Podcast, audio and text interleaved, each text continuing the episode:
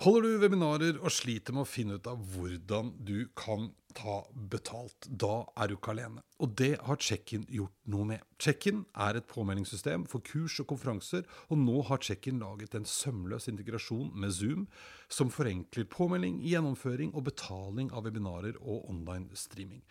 Sjekk ut checkin.no slash 30 minutter for å finne ut hvordan du kan tjene penger på dine webinarer med Check-in.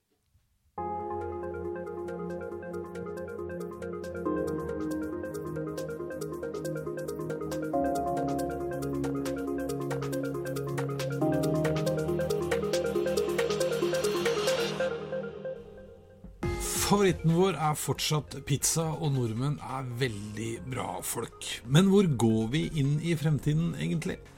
I dag så har jeg besøk av en som vet ganske mye om det. Ole Petter Nyhaug jobber i Opinion og bruker det meste av tiden sin på å forstå hvordan vi og samfunnet er, og hvordan fremtiden blir.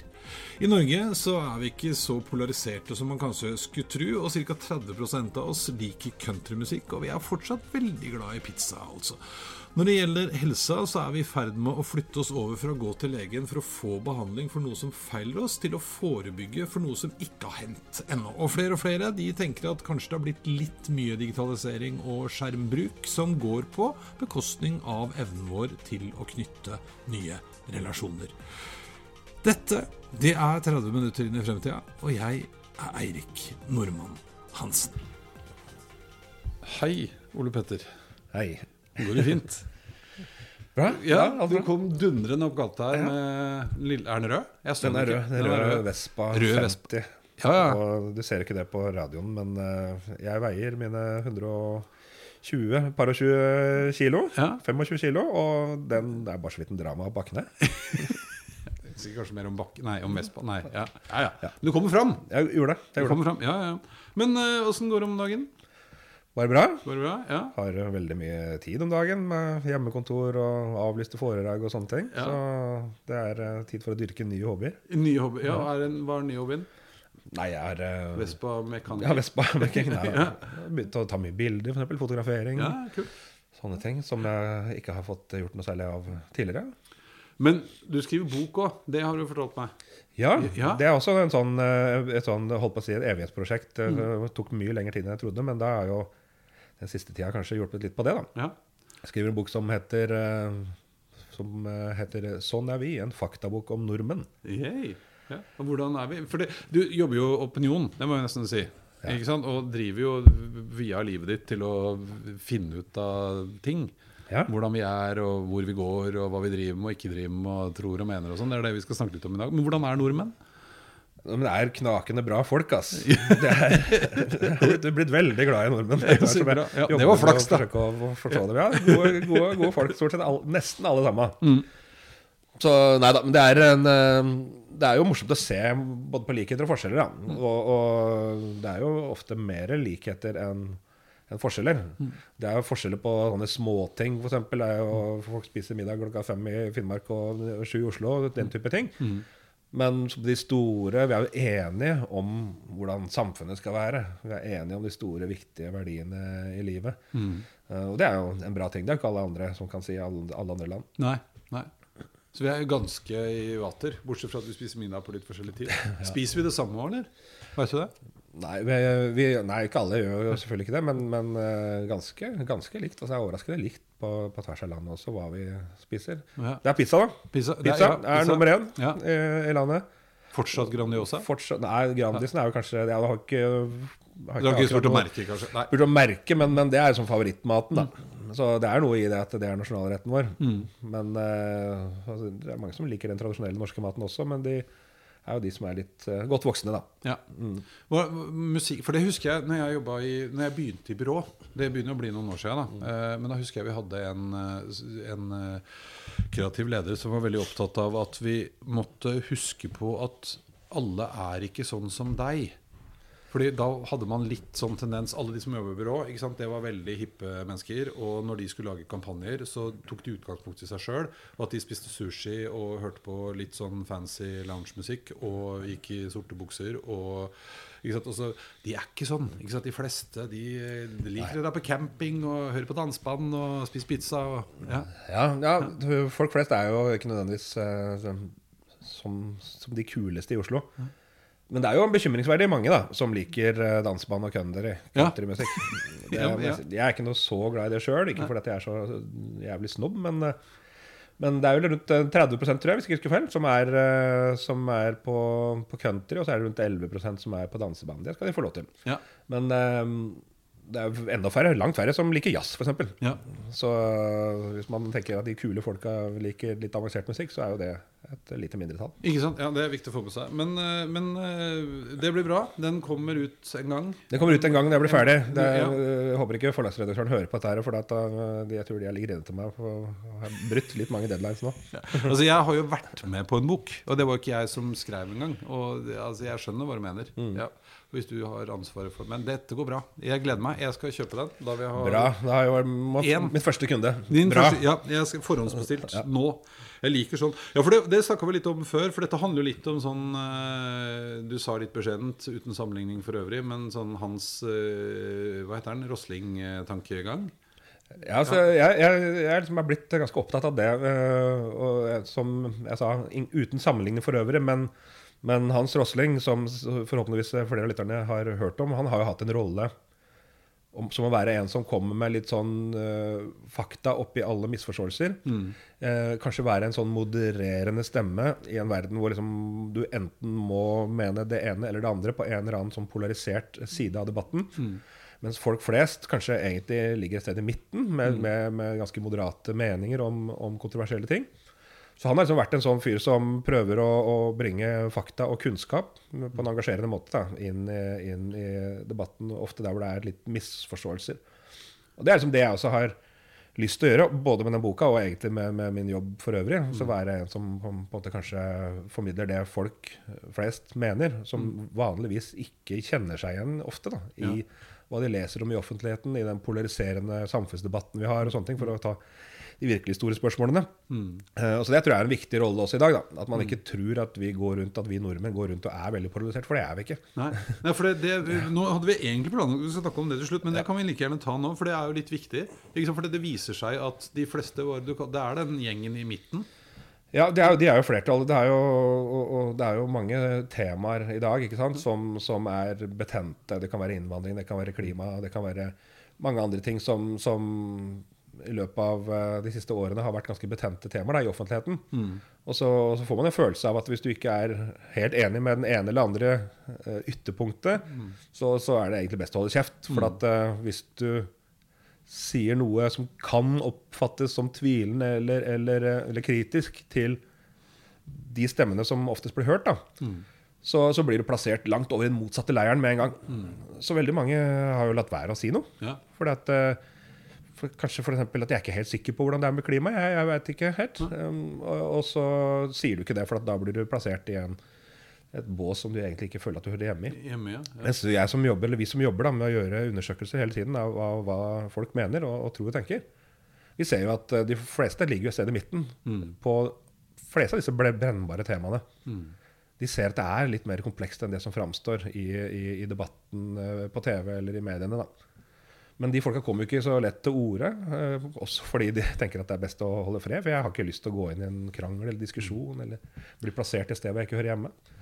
Ja, for for det, det var jo en ting husker jeg som ble tatt opp litt sånn nå under forrige valgkampen, annet, At mange yngre politikere holdt seg litt Altså de trakk seg litt ut av debatten fordi at du ble så veldig stempla. Ja, og Det handler jo også litt, kanskje litt om, om, om hvordan man blir møtt med tanke på språkbruk og hersketeknikker og sånne ting også. ja.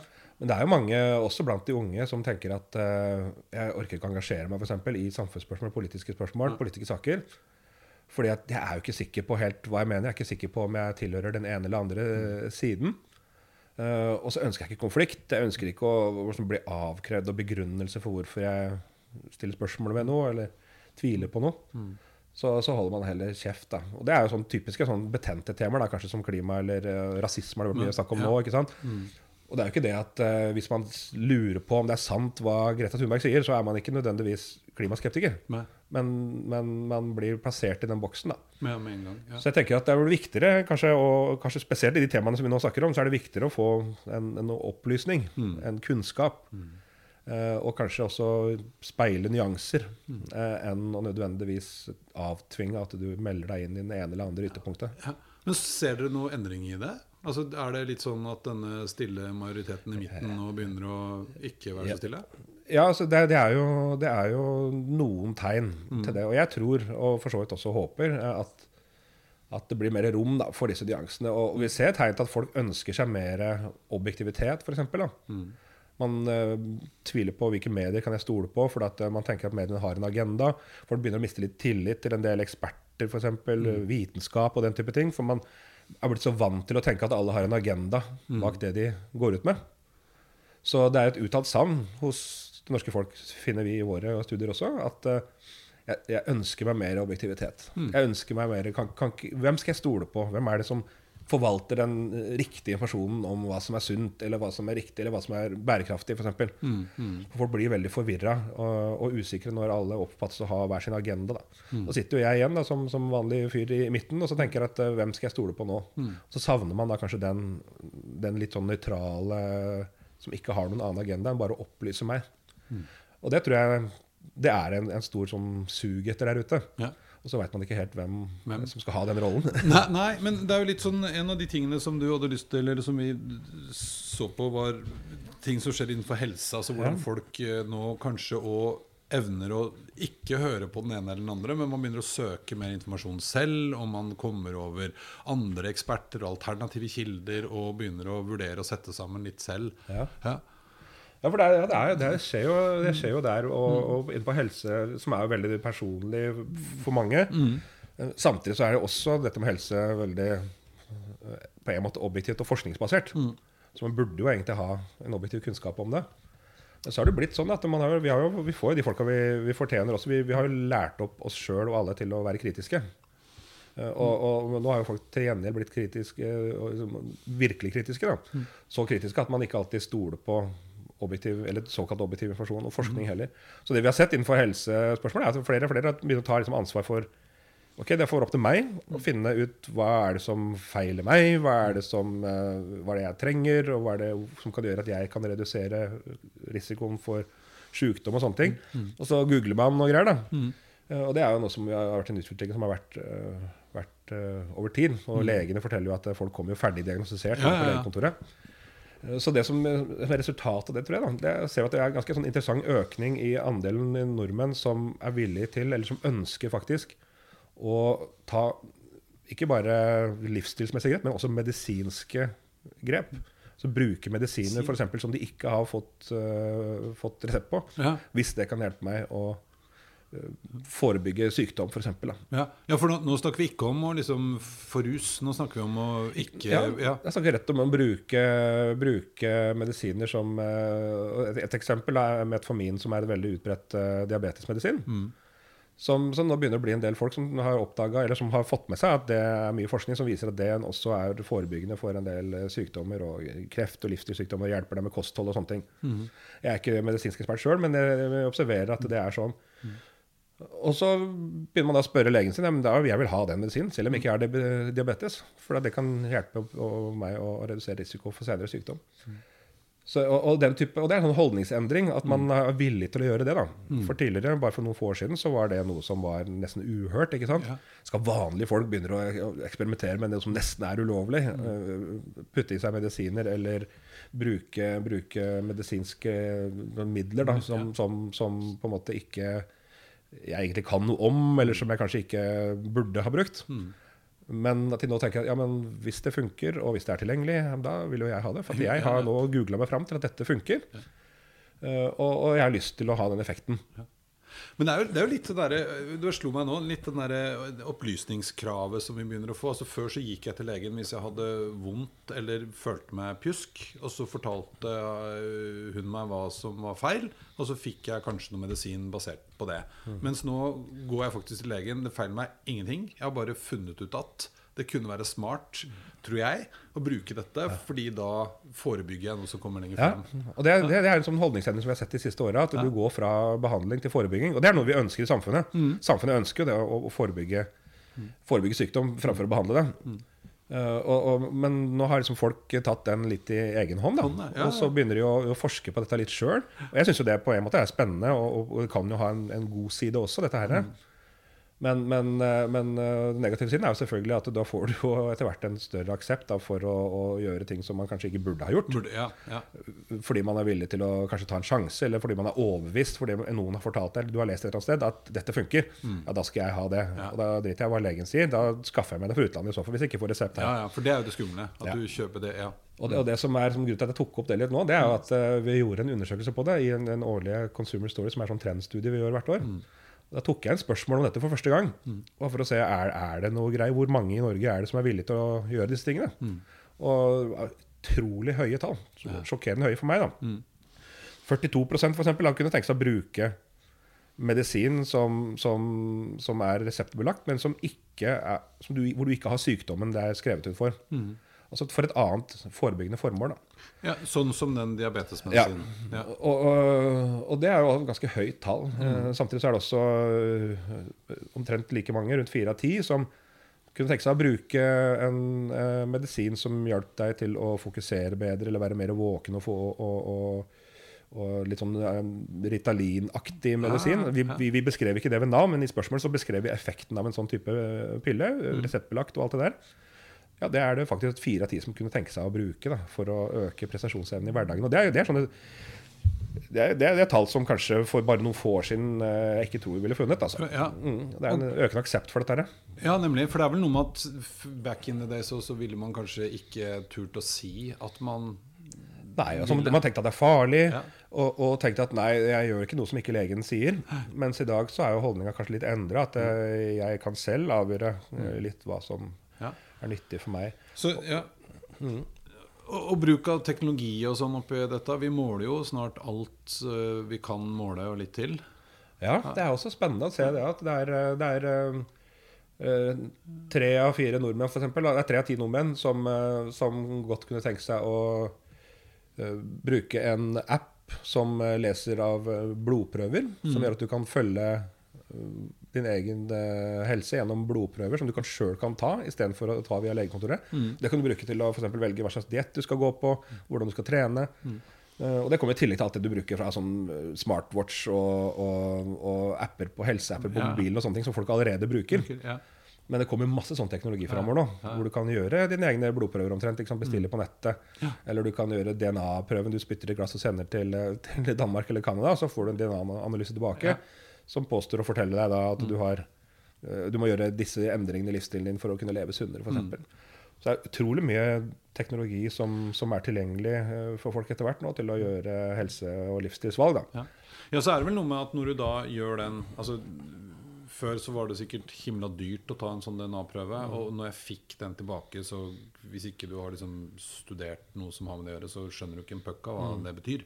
Men når du nå i tillegg kan få ja, indikasjoner på dette og hint, og du burde gjøre sånn istedenfor sånn. Og, ja, det er jo Det er jo nyttig for folk. Og hvis ja. du kan få, det kan hjelpe deg f.eks. å ja, sove bedre eller, eller, gå ned i vekt og den type ting. Mm så, så, er jo det noe som er genuint nyttig for folk. Og jeg skal ikke se bort fra det at om, eh, om fem til ti år så lager Tine yoghurt som er tilpassa din DNA-type. Ja. DNA, DNA jeg husker jo når jeg fikk eh, den første chipen min i hånda. Det var jo sånn biohacker-gærninger. Den de... første chipen min? Ja, du, ja, tre, du, er, jo, du, er, tre, faktisk, du er ganske hardcore, da. jo, men det ene selskapet som driver med det, det, altså det de driver med Fordi chipene her er jo egentlig ganske dumme. Altså, jeg kan åpne noen dører, og jeg kan betale i kantina. og jeg har, DNA, jeg har lagt inn link til DNA-profilen min. For jeg har jo tatt sånn DNA-profil ja. mm.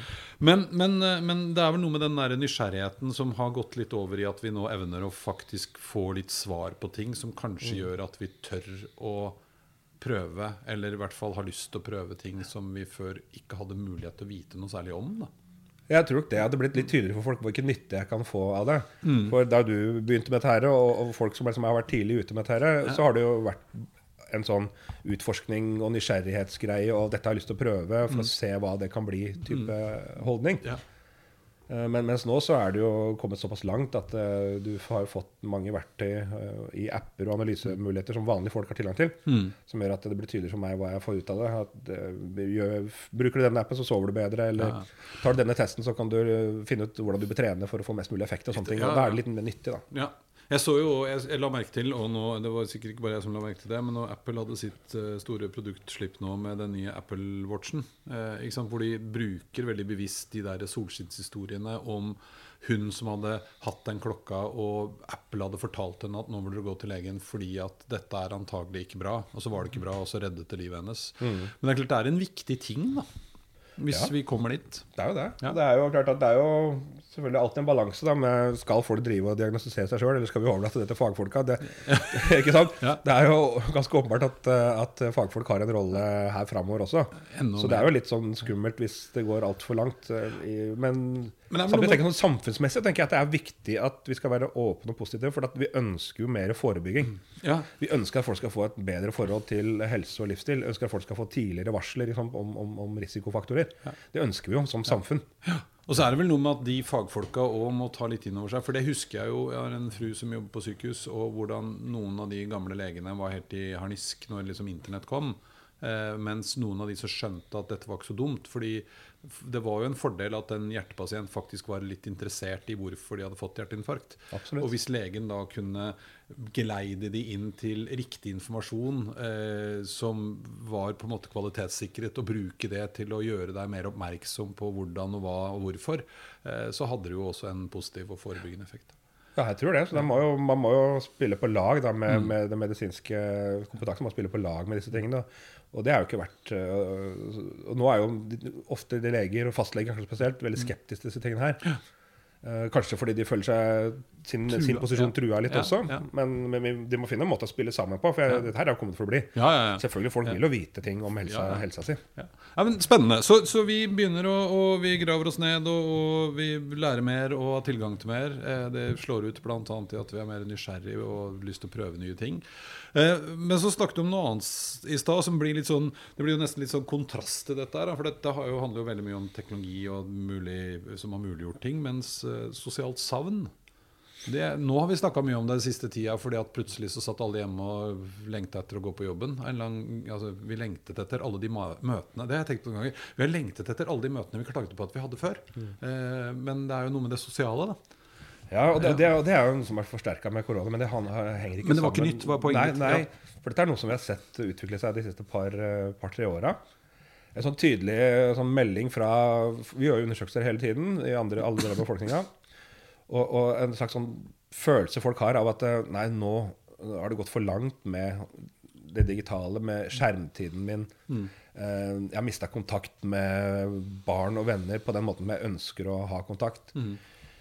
Um, også utrolig interessant eh, når vi begynner å se blant unge altså de, de, de unge som i dag er unge, da, 18-19-20 år. De er da den første generasjonen som er som heldigitale, og som er i ferd med å måtte gå ut og etablere nye relasjoner selvstendig. Altså det vil si at Når du har vokst opp, da er du la oss si du er 18 år, da. Hele, hele oppveksten din så har du da, for de fleste i hvert fall, hatt eh, venner gjennom skole, gjennom uh, idretten og sånne ting. Så du har fått uh, relasjoner gjennom de du har rundt deg. Og så har du da kanskje hatt noen digitale relasjoner. Eh, Men nå skal den generasjonen ut, og så skal de eh, ut og studere, kanskje. De skal ut og jobbe, de skal flytte ut hjemmefra. De skal kanskje bort fra hjemstedet sitt, de skal inn i militæret, eller whatever de skal. Og da må de begynne å etablere helt nye fysiske, sosiale relasjoner eh, uten hjelp av verken foreldre eller idrettslag eller teknologi. Uh, og det er det mange som sliter med. Ja. For det, de har ikke fått så mye trening i det. Og hvordan, hvordan funker dette, liksom? Og trenger hjelp da med å, å møte andre og etablere disse relasjonene. Ikke alle, selvfølgelig, men vi hører om det. Og, og det tar ikke så lang tid før, før mange unge begynner å snakke om det. Da. Uansett hva vi snakker om av tema, så er den der kleinheten i det sosiale. Mm. At det flyter ikke så naturlig kanskje som det gjorde for oss uh, i vår generasjon. Da, det å, å treffe andre folk og sånn.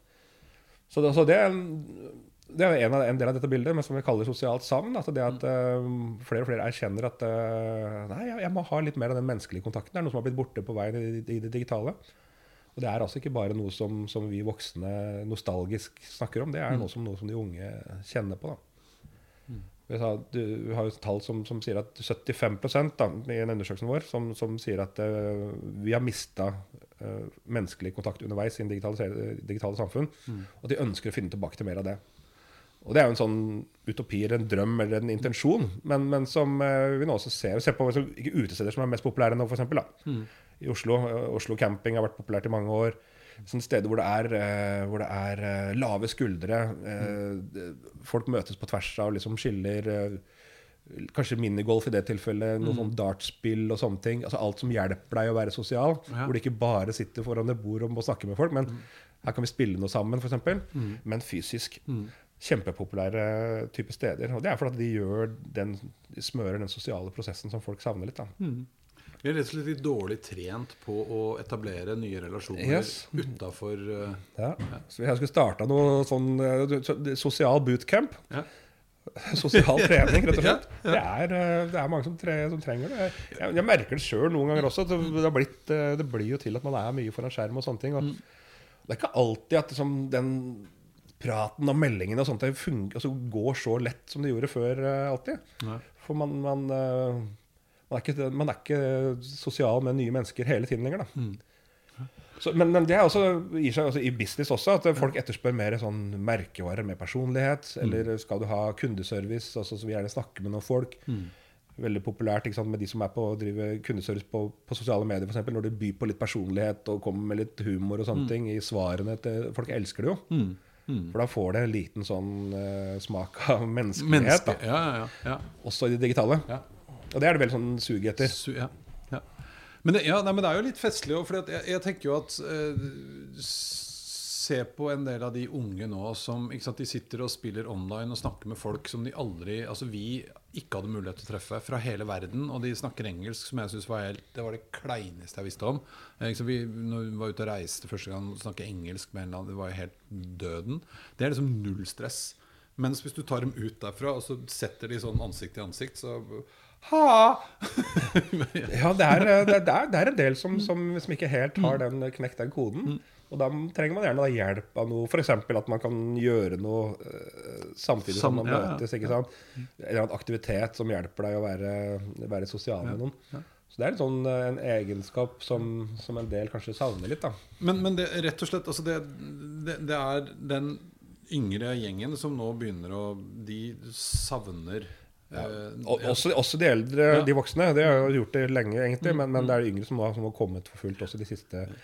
For det er jo en litt sånn viktig ting å tenke på nå som vi kanskje tenker at alle har slått seg litt til ro med å være på hjemmekontor, og det går kjempefint digitalt og sånn. Men, men når vi går videre fremover nå, som, som bedrifts...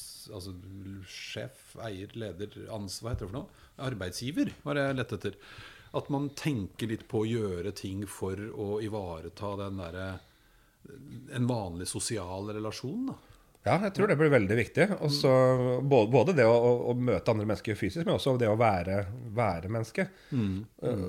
Både i fysiske møter og på videomøter. At du som, er litt sånn bjuda på. By på seg sjæl, ja. den gamle klisjeen. da. Både som leder eller som kollega eller som, som merke... Altså folk sa det holder ikke bare å se et annet menneske på en skjerm. Nei. Eh, og det holder heller ikke bare å se et annet menneske på en arbeidsplass. Du må liksom føle en human connection med folk. Ja, ja. Altså litt å bude på. Det er kanskje enda viktigere nå. da ja.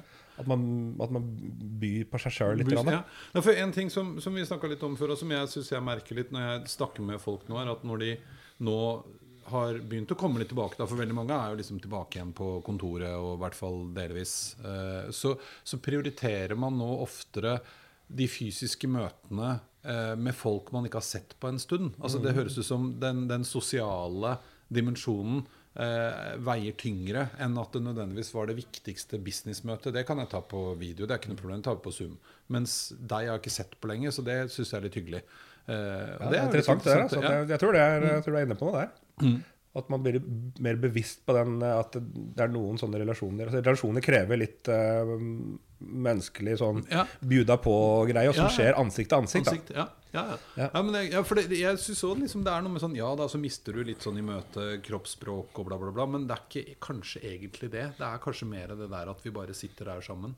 Ja, det er den human connection som, Ja. du, bare får, uh, som du bare får fysisk. Altså, som, som, ja. Men hvis vi skal heve blikket litt nå, nå ikke sant? Og vi, Det virker som vi har blitt mer nysgjerrig, vi savner litt sosial kontakt. Men, uh, og vi tester flere ting og tut og kjør. Men, men hvor uh, Jeg pleier å spørre gjestene mine om hva de tror om 2030. Du, det, du forsker jo bare på hvordan vi utvikler oss og hvordan fremtiden ser ut. Hva, hva tror du om fremtida?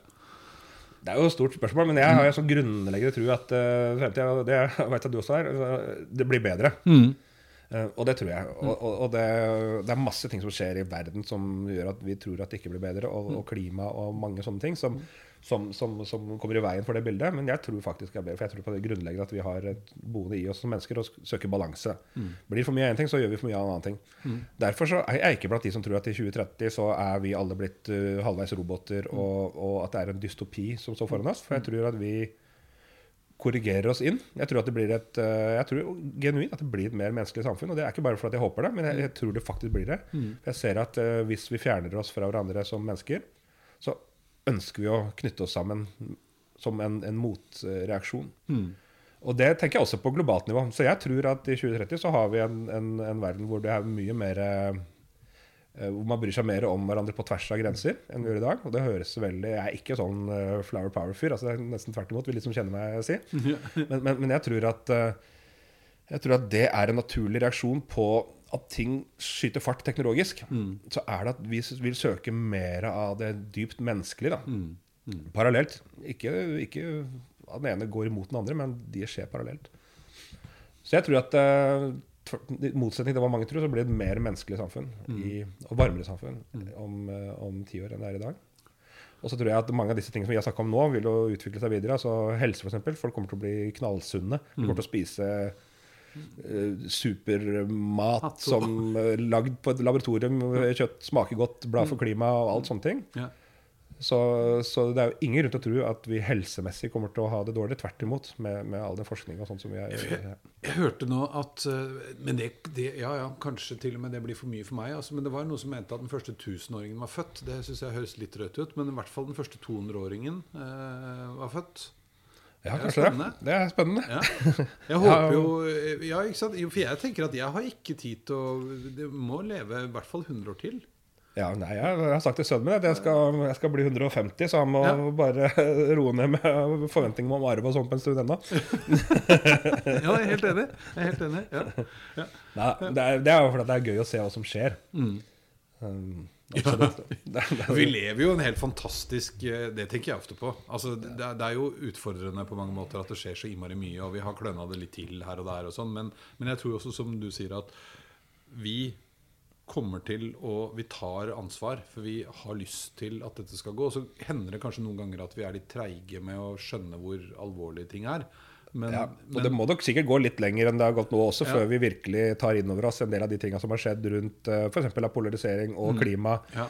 Og, og, og, og, vi må bare akseptere at det, det kommer ikke til å endre seg på de neste fem årene. Men de neste ti årene så tror jeg kanskje at eh, da, da begynner vi å ta inn over oss en del ting som har tatt litt tid å ta inn over oss. Og jeg tenker at det meste av det vil være til det positive. da Og så er det jo, verden er jo på en bra sånn, Hvis du ser bort fra liksom krusningen som vi er inne i nå, kanskje som gir mange negative følelser, så er jo verden på en bra rull.